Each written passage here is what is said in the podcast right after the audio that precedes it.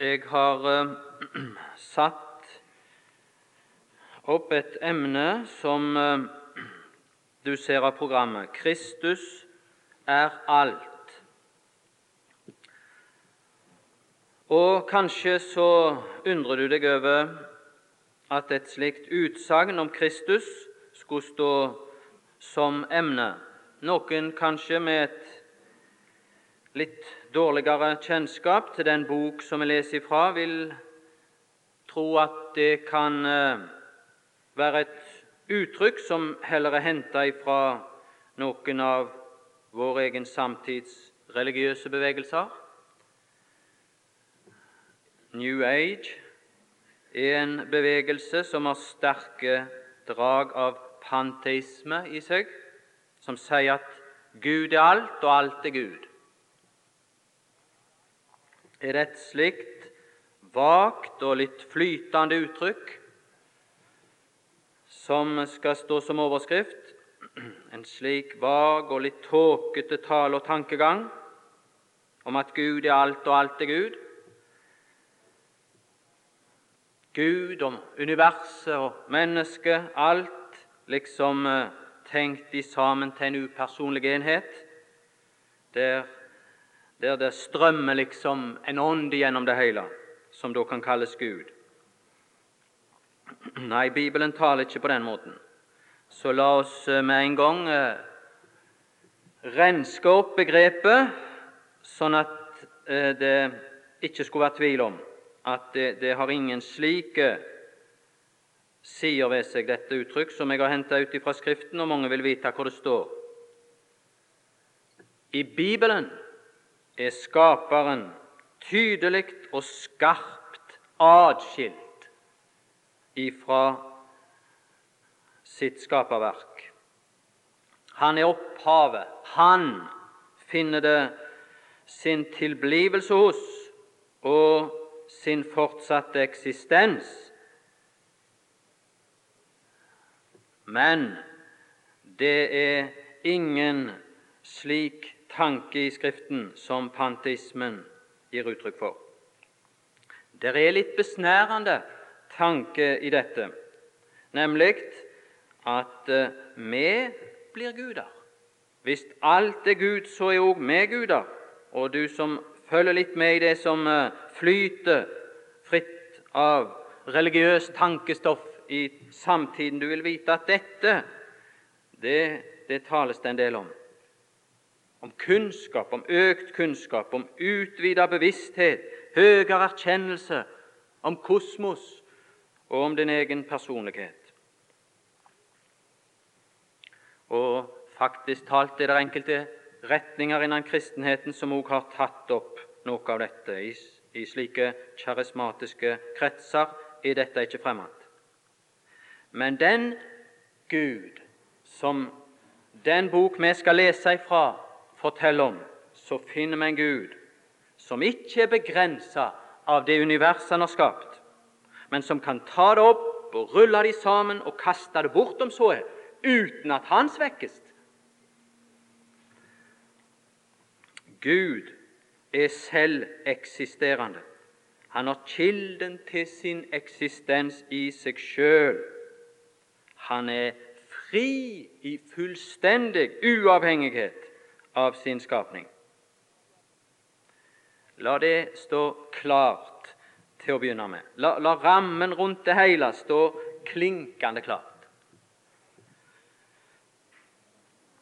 Ja vel, men altså uttrykket som eh, er satt som overskrift, det vil du allerede, som leser din bibel, har funnet, er henta fra Kolossenserbrevet, kapittel 3 og vers 11.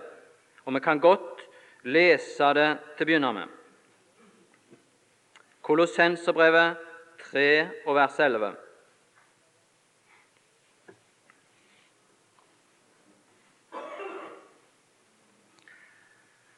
Der står det slik Her er ikke greker og jøde, omskjærelse og forhud, barbar, skyter, trell, fri, men Kristus er alt og i alle.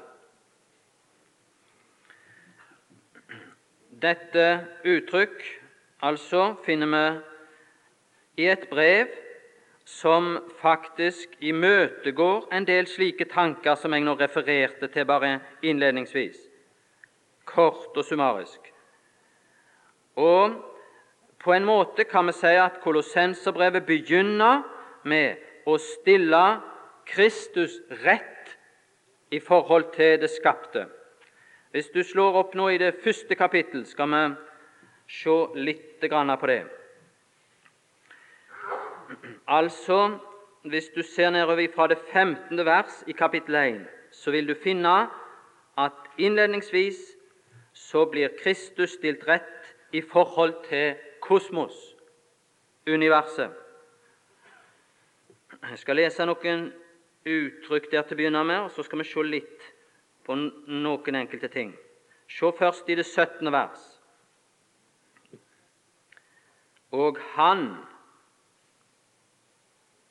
er før alle ting. Der sto han. Still opp alt. Og han var før det hele. Han var uavhengig av det hele. Men se i neste del av verset, så vil du se at alt igjen avhenger av Han. Alle ting står ved ham. Da, da, hvis du var der i det 17. vers, før alle ting framtrådte ved hans kraft Hvis du sto der da, så kunne du ha sagt Gud er alt og alt er Gud. Da kunne det vært sant å si det, men det er for seint nå, for han lot utgå et ord som var medfulgt av en makt som lå i det ord, som skapte og frambrakte alt som vi ser, som er rundt oss av synlige, og som du ser i det 16. vers, usynlige ting, som er noe annet enn ham sjøl. Han er før alle ting, men kalles, i kalles forhold står han til alle ting. Det ser vi av det 16. vers. Han er skaper. Det forholdet han inntar til alt, ifølge det 16. vers. For i ham er alle ting skapt. Og så regnes de opp i forskjellige sfærer. Det sier jeg ikke noe om nå. Men så kunne du stille et videre spørsmål. Hvordan er hans forhold til enhver skapning? Det står der i det 15. vers. Siste del den første fødte fremfor enhver skapning.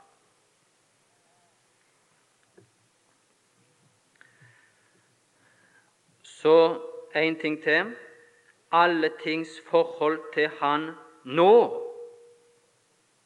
Ikke før det kom til å eksistere. Ikke ved selve skapelsen, men nå. 17 andre del, jeg har allerede nevnt det. Det er alle tings forhold til Kristus nå. Og Kolossenserbrevet taler om alle tings forhold til Kristus i framtid. Det skal jeg vente litt med å si noe om. Men i tilknytning til andre del av vers 17 vil jeg referere til et vers i Hebreerbrevet 1. Hebreerbrevet 1 og vers 3.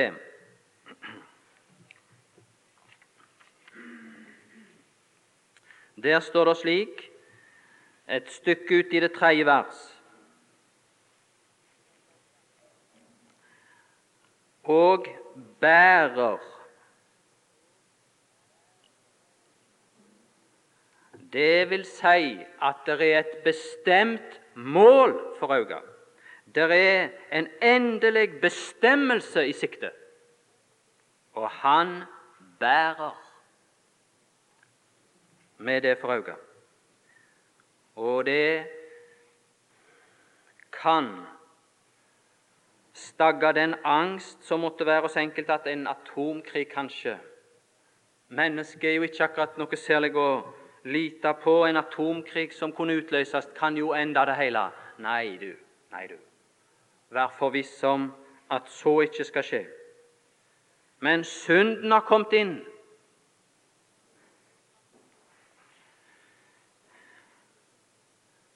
Det var ikke ved det øyeblikk når han skapte, bare at han bær, bar, men nå, etter at synden er kommet inn, så står det dette om han.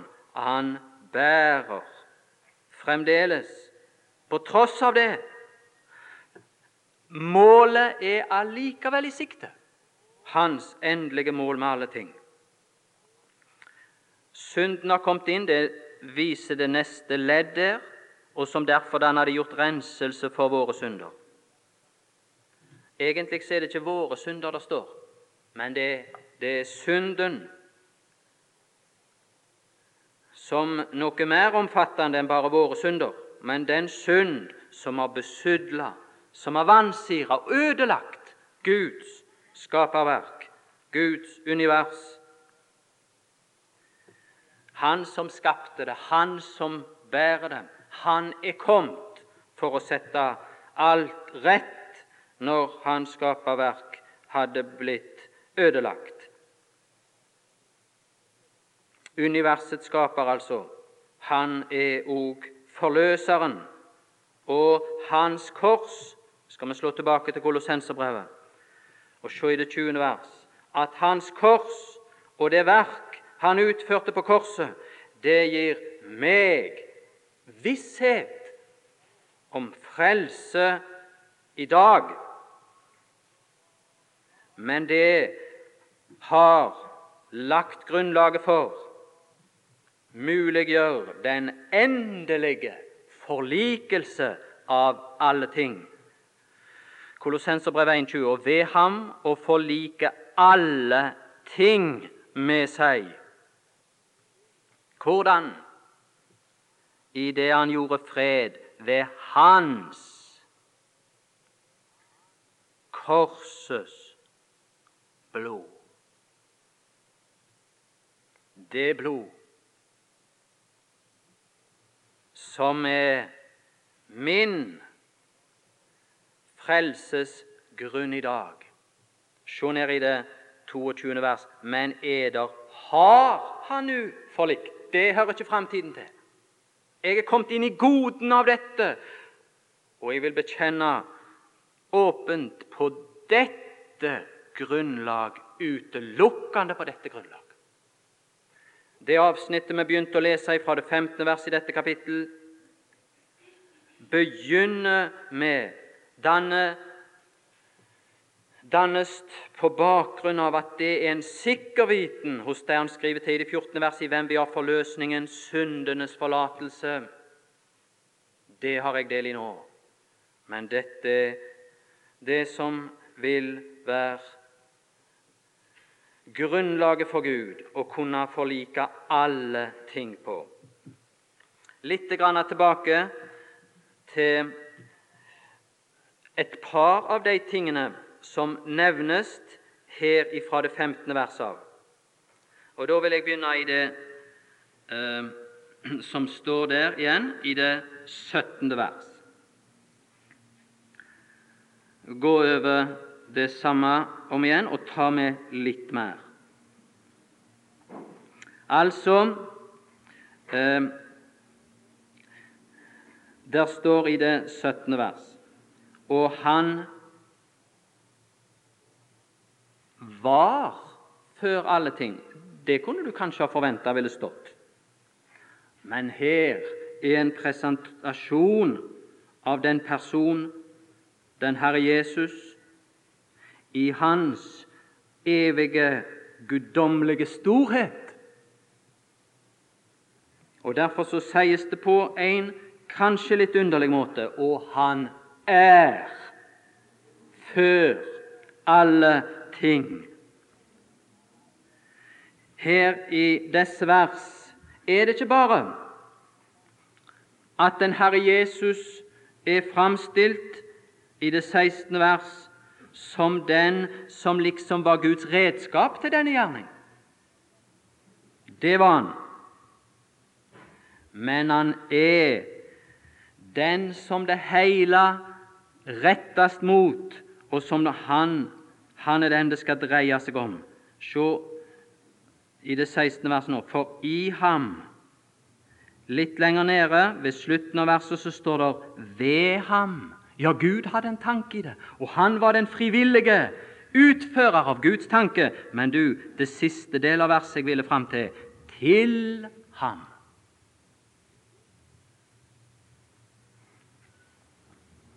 Til ham.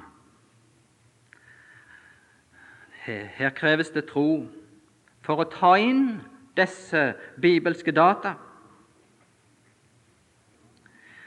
Den Herre Jesus hadde for ca. 30 år siden, når dette brevet ble skrevet, hunget på et kors, utgitt sitt blod utenfor Jerusalem.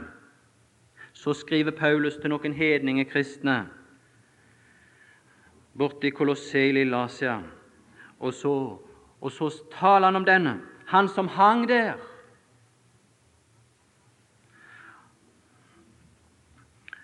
Og så liksom sier han dette at det er om Han, Han som hang på korset, at universet og alt i universet en dag skal dreie seg om.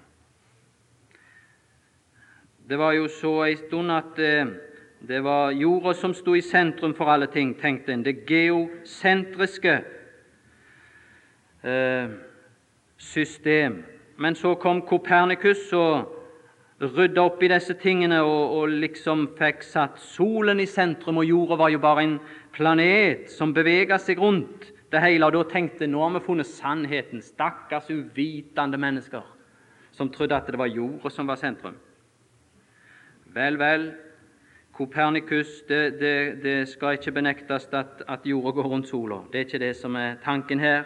Men det er ikke den endelige sannhet om alle ting men den endelige sannhet om alle ting er at universet skal bli kristosentrisk. Det skal dreie seg om Han. Han skal være den evige, endelige sol som enhvert hjørne av Hans skapte univers skal motta, motta solstråler ifra. Tilbake til det 17. vers. Og Han er. Og du, og du hev han opp, la han innta i ditt sinn og i din tanke den rette plass i forhold til alle ting. Det har ikke bare med tid å gjøre dette. Vi kunne kanskje eh, få den tanke ved bare å lese verset Han er før alle ting. Selvfølgelig er Han forut for alle ting i tid. Men det er ikke bare det som sies her. For det ville være en liten ting, ubetydelig ting, nær sagt. Ja, det, det var gjerne litt uærbødig sagt. Men i alle fall, det kunne så lett sluttes av det 16. vers. For hvis Han var den som skapte alle ting, så måtte Han være forut. Det ligger innlagt i det som sies i det 16. vers. Men du, han er før alle ting, tror jeg òg må føre fram dette at han er den absolutt første. Han er den som på en måte er kommet foran.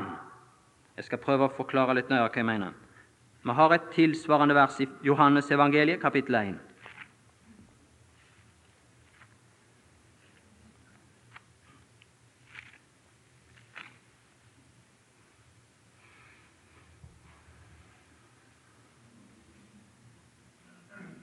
Johannes evangeliet, kapittel 1, og jeg tror vi tar første 30. vers.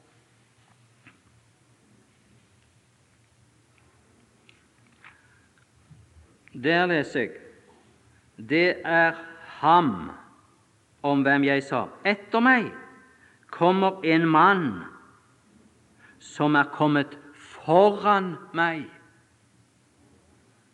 Hvis du ser vers 15 og, og lese sammenhengen nøye der, så tror jeg det må bety noe i retning av at han er kommet inn i en plass av større herlighet og ære. Det er slik Johannes bøyer seg for han her. Etter meg kommer en mann som er kommet foran meg, i en plass av høyere herlighet og ære. Hvorfor? Kunne du spørre. Hva er det som berettiger han den plass av høyere ære og herlighet? Det sies i både vers 15 og vers 30 som en grunn for at han inntar den plass. Fordi han var før meg. Her har du han, den høge i rang, den som Kolossenserbrevet 1 sier har første fødselsretten i forhold til alle ting. Han var før meg og han er før alle ting.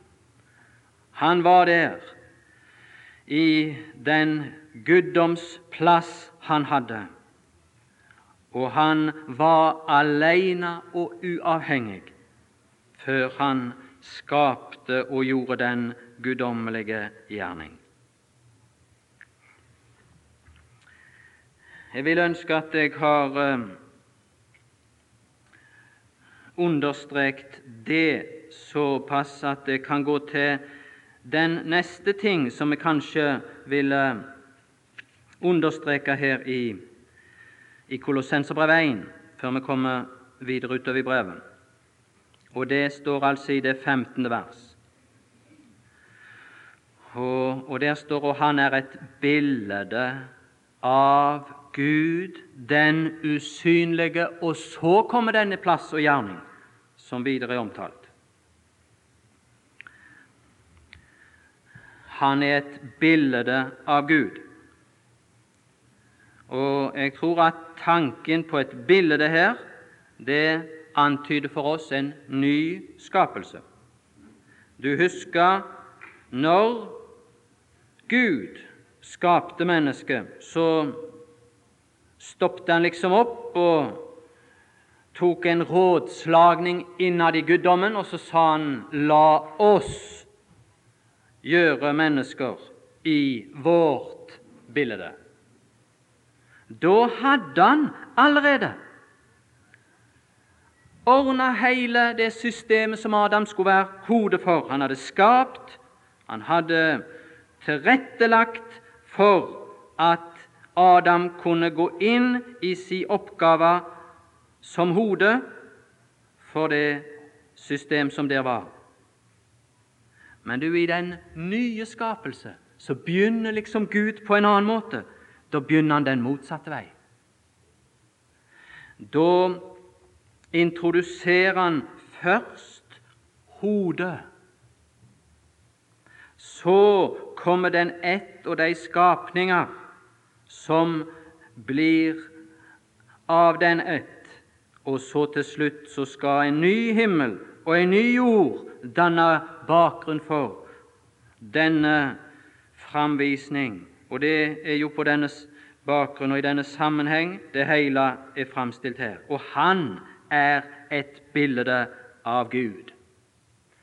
I Han er den usynlige blitt synlig. I Han finner vi en full og heil framstilling av Gud, sånn som Gud er i sin person. Og Han er et bilde av Gud.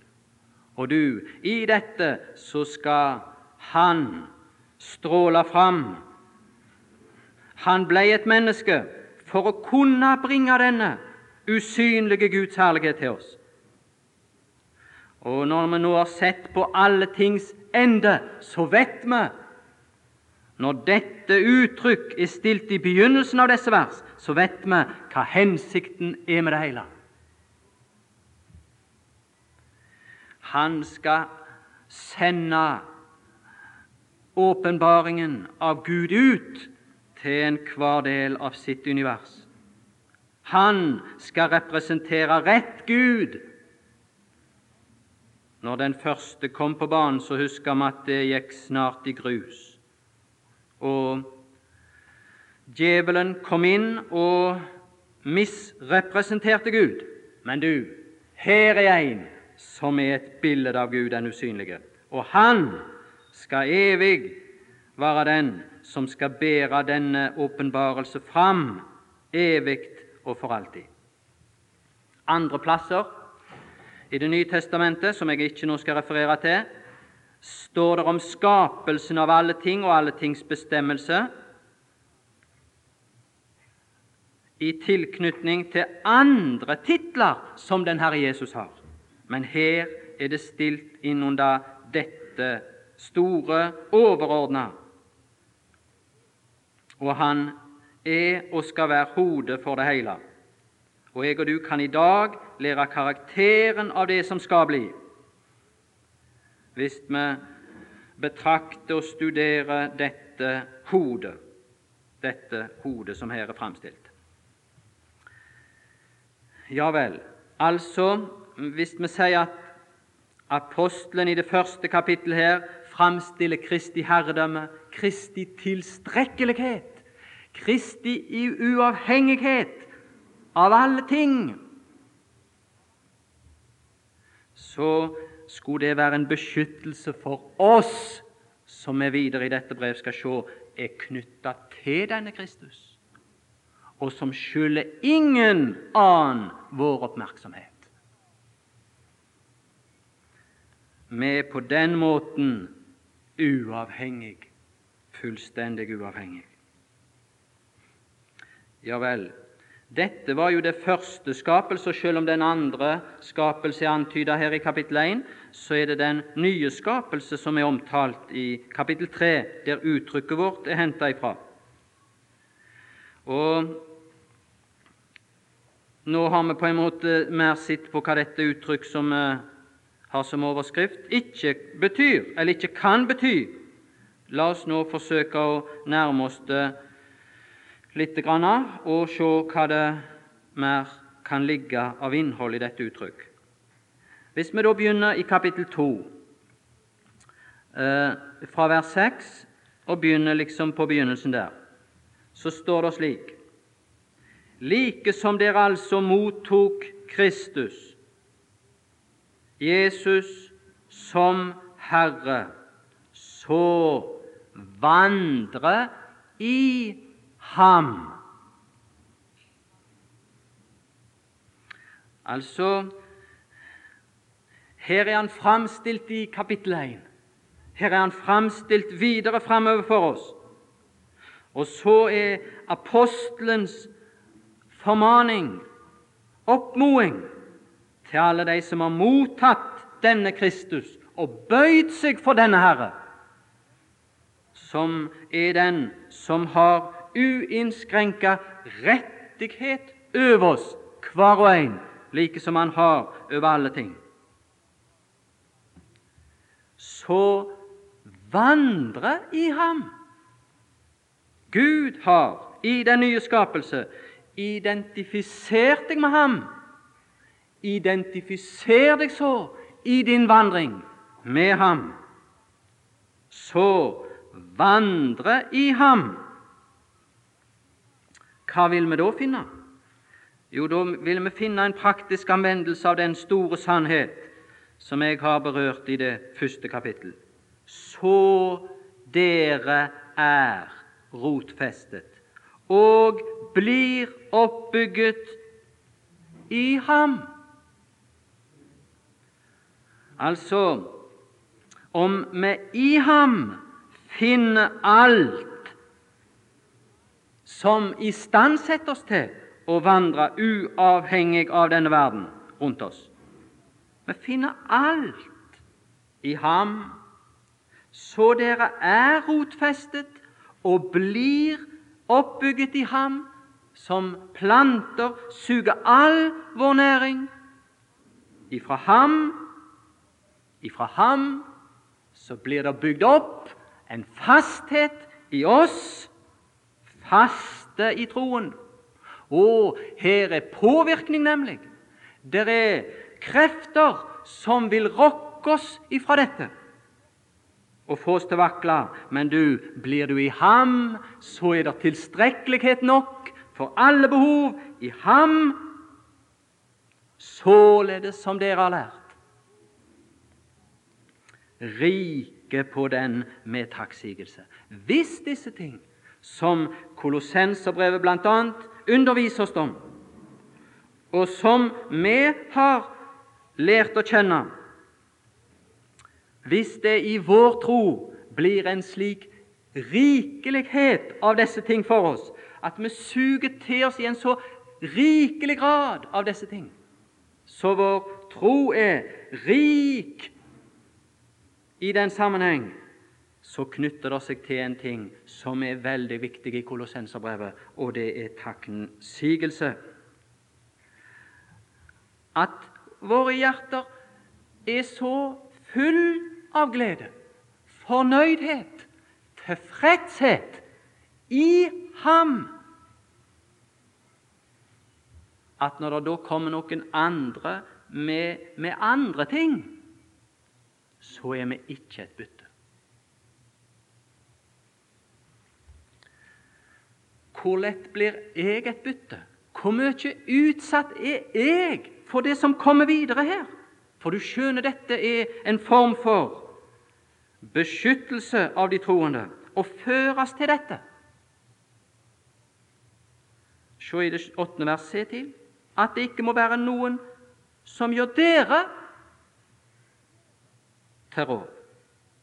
Og så nevnes det forskjellige ting som har en appellkraft til oss som mennesker i kjødet. Verslig visdom, tomt bedrag, menneskenes lære, verdens barnelærdom. Se nedover i det 16. vers. Andre ting nevnes. Videre fra det 18. vers. Nye ting som setter inn på dette og får oss bort ifra det som vi begynte med, til andre ting.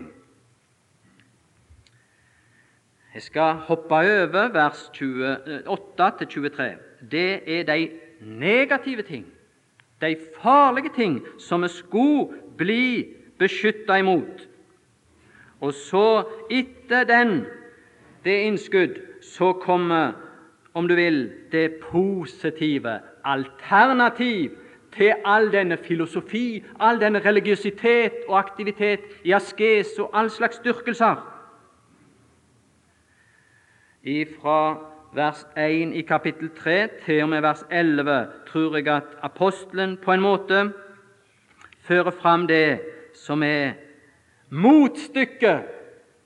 Det er positivt, som, det som gir kraft i denne sammenheng.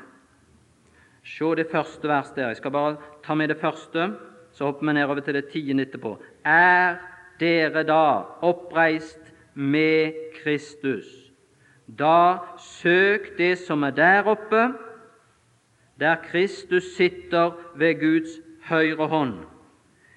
Dette er på en måte konklusjonen når det gjelder den polemikk som apostelen har hatt med den filosofi, den religiøsitet som er nevnt, og som har mange ingredienser som jeg ikke skal nevne her. Her er den lære, her er sentrum av det hele som skulle oppta oss hver og en. Og siden dere liksom har del i Kristi oppreisning og i Kristi oppstandelse, så skal deres mål, deres ambisjon, om du vil, hele deres syn, skal sentrere seg i Han som er plassert der i den høyeste ære og autoritet ved Guds høyre hånd. Er dere da Det er liksom det praktiske motstykket til det som vi leser om i kapittel 2 og vers 20. Se der. Er dere avdød med Kristus, så kommer det som er det å være oppreist med Kristus, det har store og omfattende virkninger for oss. Og den grunnleggende årsak til at de skulle søke det som er der oppe, det, det står så tydelig. Det er der Kristus sitter. Det er den oppstandende Kristus som er sentrum. Hans opphøyelse i nåtid er det som her legges vekt på. I kapittel 2, fra vers 8 til 23, så er det myndigheter, makter som er oppstilt, og som vil søke å frarane oss. Ens rett å være opptatt med Han. Vel, de har kanskje makt, de har kanskje myndighet, men du, her er Han som er satt i den høyeste stilling av autoritet, ære og makt ved Guds høyre hånd. La ikke noe av disse ting avlede oss ifra Han som har tatt sin plass der, ved sentrum av denne store himmelske sfære. All forandring vil skje ifra denne tronen. Så Derfor er det der vår oppmerksomhet må være. Når det vil skje ting på jorda, så vil det være en følge av at det er skjedd forandringer der. Så det er viktig å forstå, ifølge det apostelen videre utlegger her, av dette grunnfakta at vårt liv er nå skjult. Det er skjult der. Han er oppreist. Han er der. Ja vel. Men vi er oppreist med ham. Vårt liv er knytta til Han, Han som er der ved Guds høyre hånd. Det er våre interesser som knytter seg der, i vår forbindelse med, på grunn av at vi har mottatt dette vidunderlige å bli oppreist med ham. Når han ble oppreist, så knytter alle våre interesser seg til Han, og de tilhører oss. Og Av den grunn så skulle vi finne i Han både kilden til vårt liv og det som er gjenstanden for vårt liv, som troende her. Vi går til det tiende vers. Og ikle dere det nye. Ja, her er det altså det nye mennesket som introduseres, og det gir oss en ny scene. Det nye. Og så sies det noe om det, at det fornyes til kunnskap. Og det er kunnskap som tilhører den nye skapning. Og det må tilføres oss. Og da er det ingenting av disse gamle skiller som anerkjennes lenger. Se i det ellevte vers. Her er ikke greker og jøde og alt dette her. Men hva er det som er her, som utgjør det hele? Hva er innholdet av det alt? Men Kristus er alt i denne sfæren og han er i alle.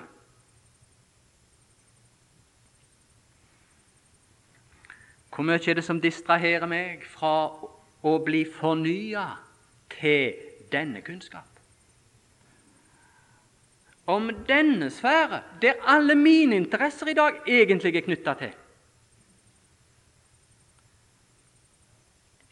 Etter sin skapers bilde ja, her kommer vi tilbake til det. Ser du, når denne fornyelse etter den nye skapelse finner sted, så er dette et mønster. Gud har et mønster.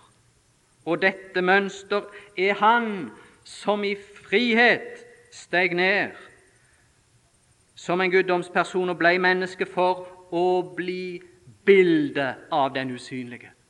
Så åpenbarelsen av den usynlige kunne komme til meg og til deg.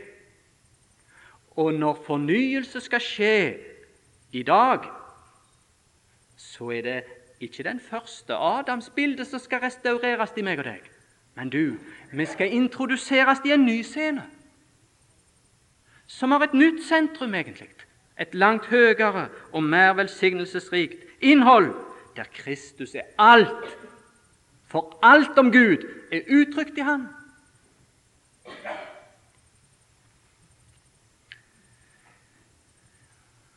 Hvordan kan jeg og du bli fremmede her? Ja, Det nytter ikke å prøve å være fremmede. Det er å bli hjemme i noe annet. Hvor mye er jeg hjemme i det som kretser om den trone som det er det eneste dette brev sier jeg og du skulle søke?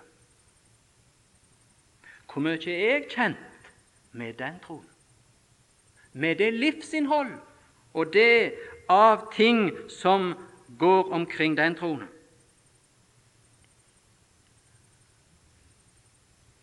Så kan kanskje jeg Hvis det kommer noe mer inn av dette i mitt liv, så kan kanskje jeg komme ut med litt av dette bildet nå. Bildet står for å åpenbare og representere. Hvor mye kan jeg representere Gud i dag? Hvor mye kan du komme ut i disse forhold? Da er det at kunnskapen om dette bildet, som kommer til oss gjennom dette bildet, må, må få en plass hos oss. Da kan trekk av et nytt slag komme inn og utvikles i oss. Og det følger på, tror jeg, fra det tolvte verset av og nedover. Nå er tida gått så mye at eh, jeg tror det får jeg bare referere til og, og si hva skjer om, om jeg føres ved fornyelse av denne type kunnskap? Fornyes til denne kunnskap. Der, han er alt. Tror du jeg da kunne begynt med noe annet? Se ifra vers 12. Hva er det da en må ha ønske om å ikle seg og opptre med overfor brødre og overfor ens vandring utad i verden? Tror du det er noe annet enn Kristus? Nei, selvfølgelig er det ikke det. Ikle dere da som Altså Hvis du i det ellevte vers sier Kristus er alt, han er objektet, gjenstanden for mitt liv, så kommer du til det tolvte vers, så får du høre Vel, jeg er gjenstand for hans utvelgelse. Jeg er gjenstand for hans helligelse, for hans kjærlighet. Hvem var det som var her som Guds utvalgte, Guds hellige og Guds elskede? Det var Kristus. Hva slags karakteregenskaper er det som omtales i resten av det tolvte vers? Det var slike karakteregenskaper som var bestanddel av den manns liv som var her som Guds bilde. Nå skulle de reproduseres i mitt liv. Så sier du vel det der ligger veldig høyt.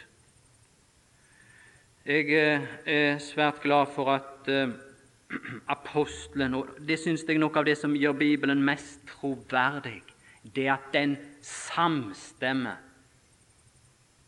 med virkeligheten på ethvert punkt. Det blir ikke en sånn berusende rapsodi liksom, der du også, og så oppdager du etterpå at nei, nei, det der stemte visst ikke med virkeligheten. Så datt du ned til et når følelsene forsvant. Se i det 13. vers. Tror du at, tror du at apostelen dermed Hvis sånne trekk som de fem som nevnes i det 12. vers, som Guds utvalgte hellige og elskede skal og bør ikle seg når de fornyes på dette vis? Hvis sånne egenskaper hadde vært i alle, så hadde det 13. vers vært unødvendig. hadde ikke det? Men det er bare det at eh, i mitt liv er det dessverre så mye annet som kommer til uttrykk, som jeg ikke ønsker, men det gjør det allikevel. Og Derfor så må dere Dere blir nødt til å tåle òg meg i det kristne samfunn. Og, og jeg kan forgå meg. Og det blir nødvendig med tilgivelse. Og klagemål står det til og med. Men da, da, da skulle det være noe mer av den nåde som Kristus hadde. Se nedover her. Det er Kristus hele veien. 13. vers Kristus har. Se 15. vers og Kristi fred. 16. vers La Kristi ord Tror du det er tilfeldig at disse ord er betegnet på den måten her? I det første kapittel så taler han om Guds ord. I det fjerde kapittel og det tredje verset taler han bare om ordet. Men du, alt er ført inn på dette spor her. La Kristi ord. Og så kommer det i det 17. vers og alt som dere gjør, i ord eller gjerning, gjør det alt i den Herre Jesu navn. Og så nevnes tingene enkeltvis nedover, det skal jeg ikke gjøre nå. Men, men litt av tanken fra min side, det var dette Kristus er alt i den svære. Hvor mye er han i mitt liv? Jeg skal lese et vers som står i Fjerde Mosebok, kapittel 11.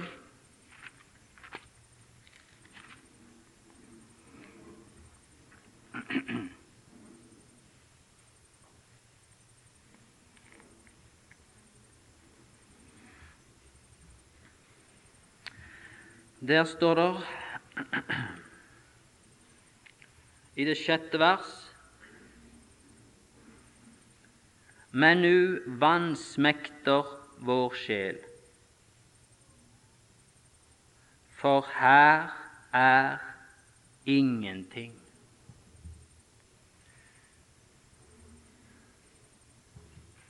Vi ser ikke annet for våre øyne enn mannen, og det er ingenting. Det var Guds folk som sa dette. Tror du de var i samfunn med Herren da? Nå får vi i alle fall opplyst så klart her i Kolossenserbrevet at i den sfære rundt Guds trone der er Kristus alt. Måtte Han bli noe mer for meg i disse dager inntil det øyeblikk som snart skal inntreffe, som vi ble minnet om til frokost i dag. Der står at på en dag så skal Gud være alt i alle. Og de som ikke underordner seg denne Gud, de må knuses de må forsvinne i ødeleggelse. Men alt som skal være innenfor dette området, der Guds sønn skal være sentrum og sol, de må innrette seg etter dette, at han er alt. I alle. Jeg og du er på vei mot dette. Snart en dag så skjer det en forandring ifra tronen og jeg og du kan opponere så mye vi vil. Det er tronen. Og det er tronen som skal bestemme tonen i det univers som skal framstå. Hvor mye er han for meg i dag? Det er spørsmålet. Han burde være det i dag for meg som han en dag skal bli for meg og for alle som skal inn i Guds velsignede Sønns rike. Dette er på en måte en liten oversikt over det jeg har tenkt å si i de følgende møter. Det ble kanskje litt vel mye, men eh, hvis du ser i Kolossenserbrevet skal avslutte med det kapittel 2 og vers 1, så vil du se at disse ting ligger apostelen på hjertet. Han som fikk de åpenbart,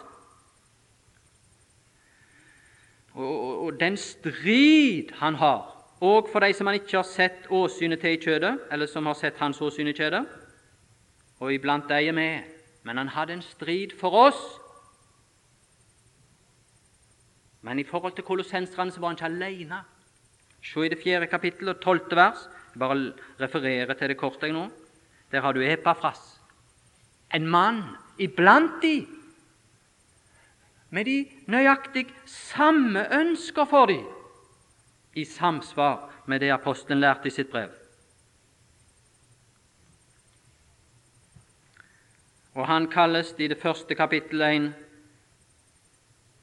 Tro Kristi tjener for dere.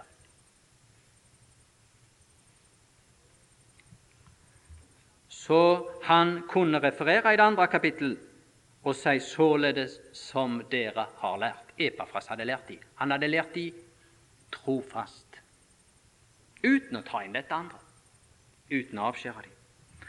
Men så står det i 4. kapittel og ellevte vers at blant de omskårne så var det ikke mange som kunne hjelpe apostelen på dette spor. Det er noen få han nevner.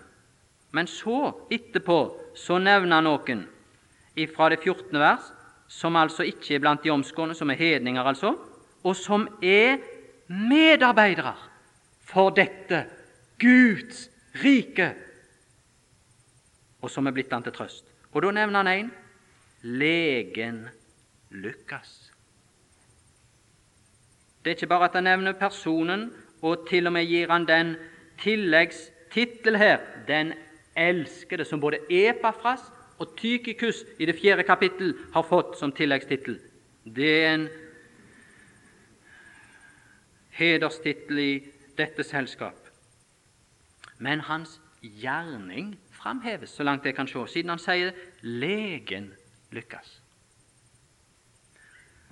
Og i eller neste dag, ja, det blir vel i morgen formiddag, så skal vi lese litt ifra Lukas. Jeg skal bruke et som dere kjenner så godt, eksempel, og prøve da å gå litt skritt for skritt om legen Lukas kunne hjelpe oss i dette arbeidet som Paulus hadde foran i Kolosseet, og føre oss fra begynnelsen og fram til, om mulig, i større grad i alle fall, at Kristus kunne bli noe for oss. Som et livsinnhold, som det som alt i vårt liv er retta imot, og dermed òg styrt og karakterisert av. Men først må det jo rettes den veien. Og Da skal jeg prøve å gå litt mer forsiktig til verks. Men ett lite vers før jeg slutter av. Ordspråkene 17, 22.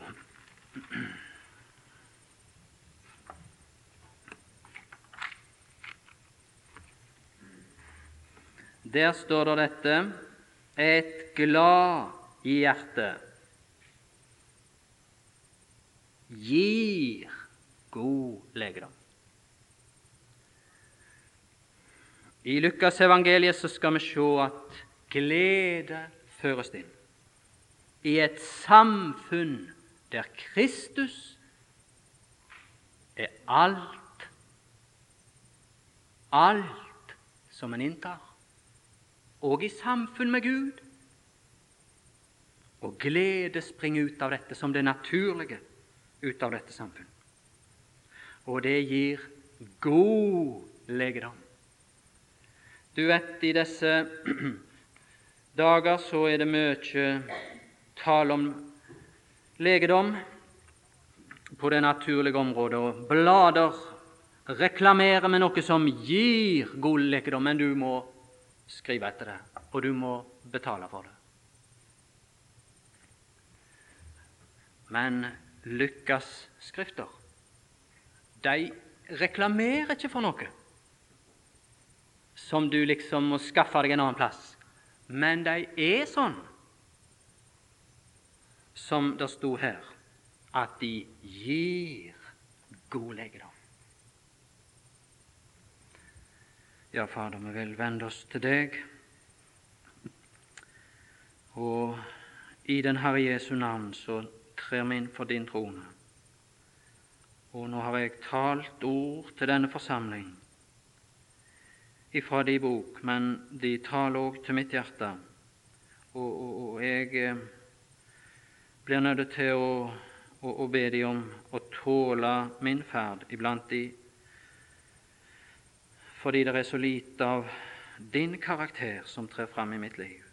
Men jeg er begynt å elske din sønn, og det er mange her som elsker din sønn, og som forakter mye av det som, som vi kan praktisere i vår daglige ferd men styrk oss til dette og forny oss til denne kunnskap etter dette bildet. Det ønsker vi innenfor ditt åsyn. Vi som ser lenger fram og vet at en dag så skal alt annet i oss renses bort og utryddes, og Kristus skal være for oss og i oss like mye. Herlige dag. Måtte Han i løpet av disse dager få en større plass i våre hjerter, i mitt hjerte og i enhvers enn han noen gang tid før har vært. Vi ber om alt dette i ditt navn.